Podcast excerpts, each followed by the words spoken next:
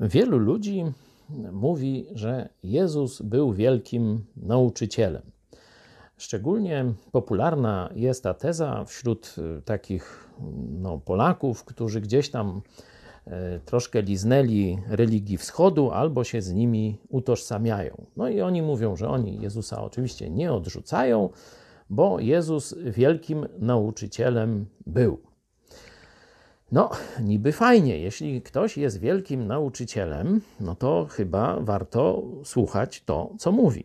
Przedstawiciele religii wschodu mówią, że oczywiście wszystkie religie są dobre, wszystkie jakoś tam prowadzą do Boga, wszystkie tam, czy do bogów, nie wiem, czy do tam wyższego stopnia świadomości, rozwijają człowieka i tak dalej, i tak dalej.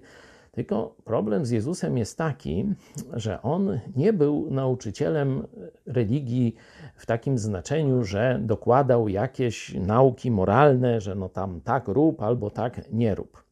Jezus powiedział: Ja jestem jedyną drogą do Boga Ojca. Sprawdźcie sobie 14 rozdział Ewangelii Jana, 6 werset. Ja jestem drogą, prawdą i życiem. Nikt nie przychodzi do Ojca inaczej, jak tylko przeze mnie. Zobaczcie, ile e, Jezus włożył uwagi w to, żebyśmy zrozumieli, że tylko przez Niego możemy poznać Boga.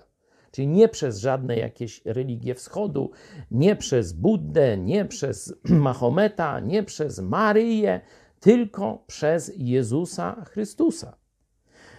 Jeśli ktoś uważa Jezusa za wielkiego nauczyciela, no to warto, by przyznał mu rację. Bo tak, mówisz, że Jezus jest nauczycielem wielkim, a lekceważysz to, co najważniejszego on powiedział o sobie, czyli czynisz go kłamcą.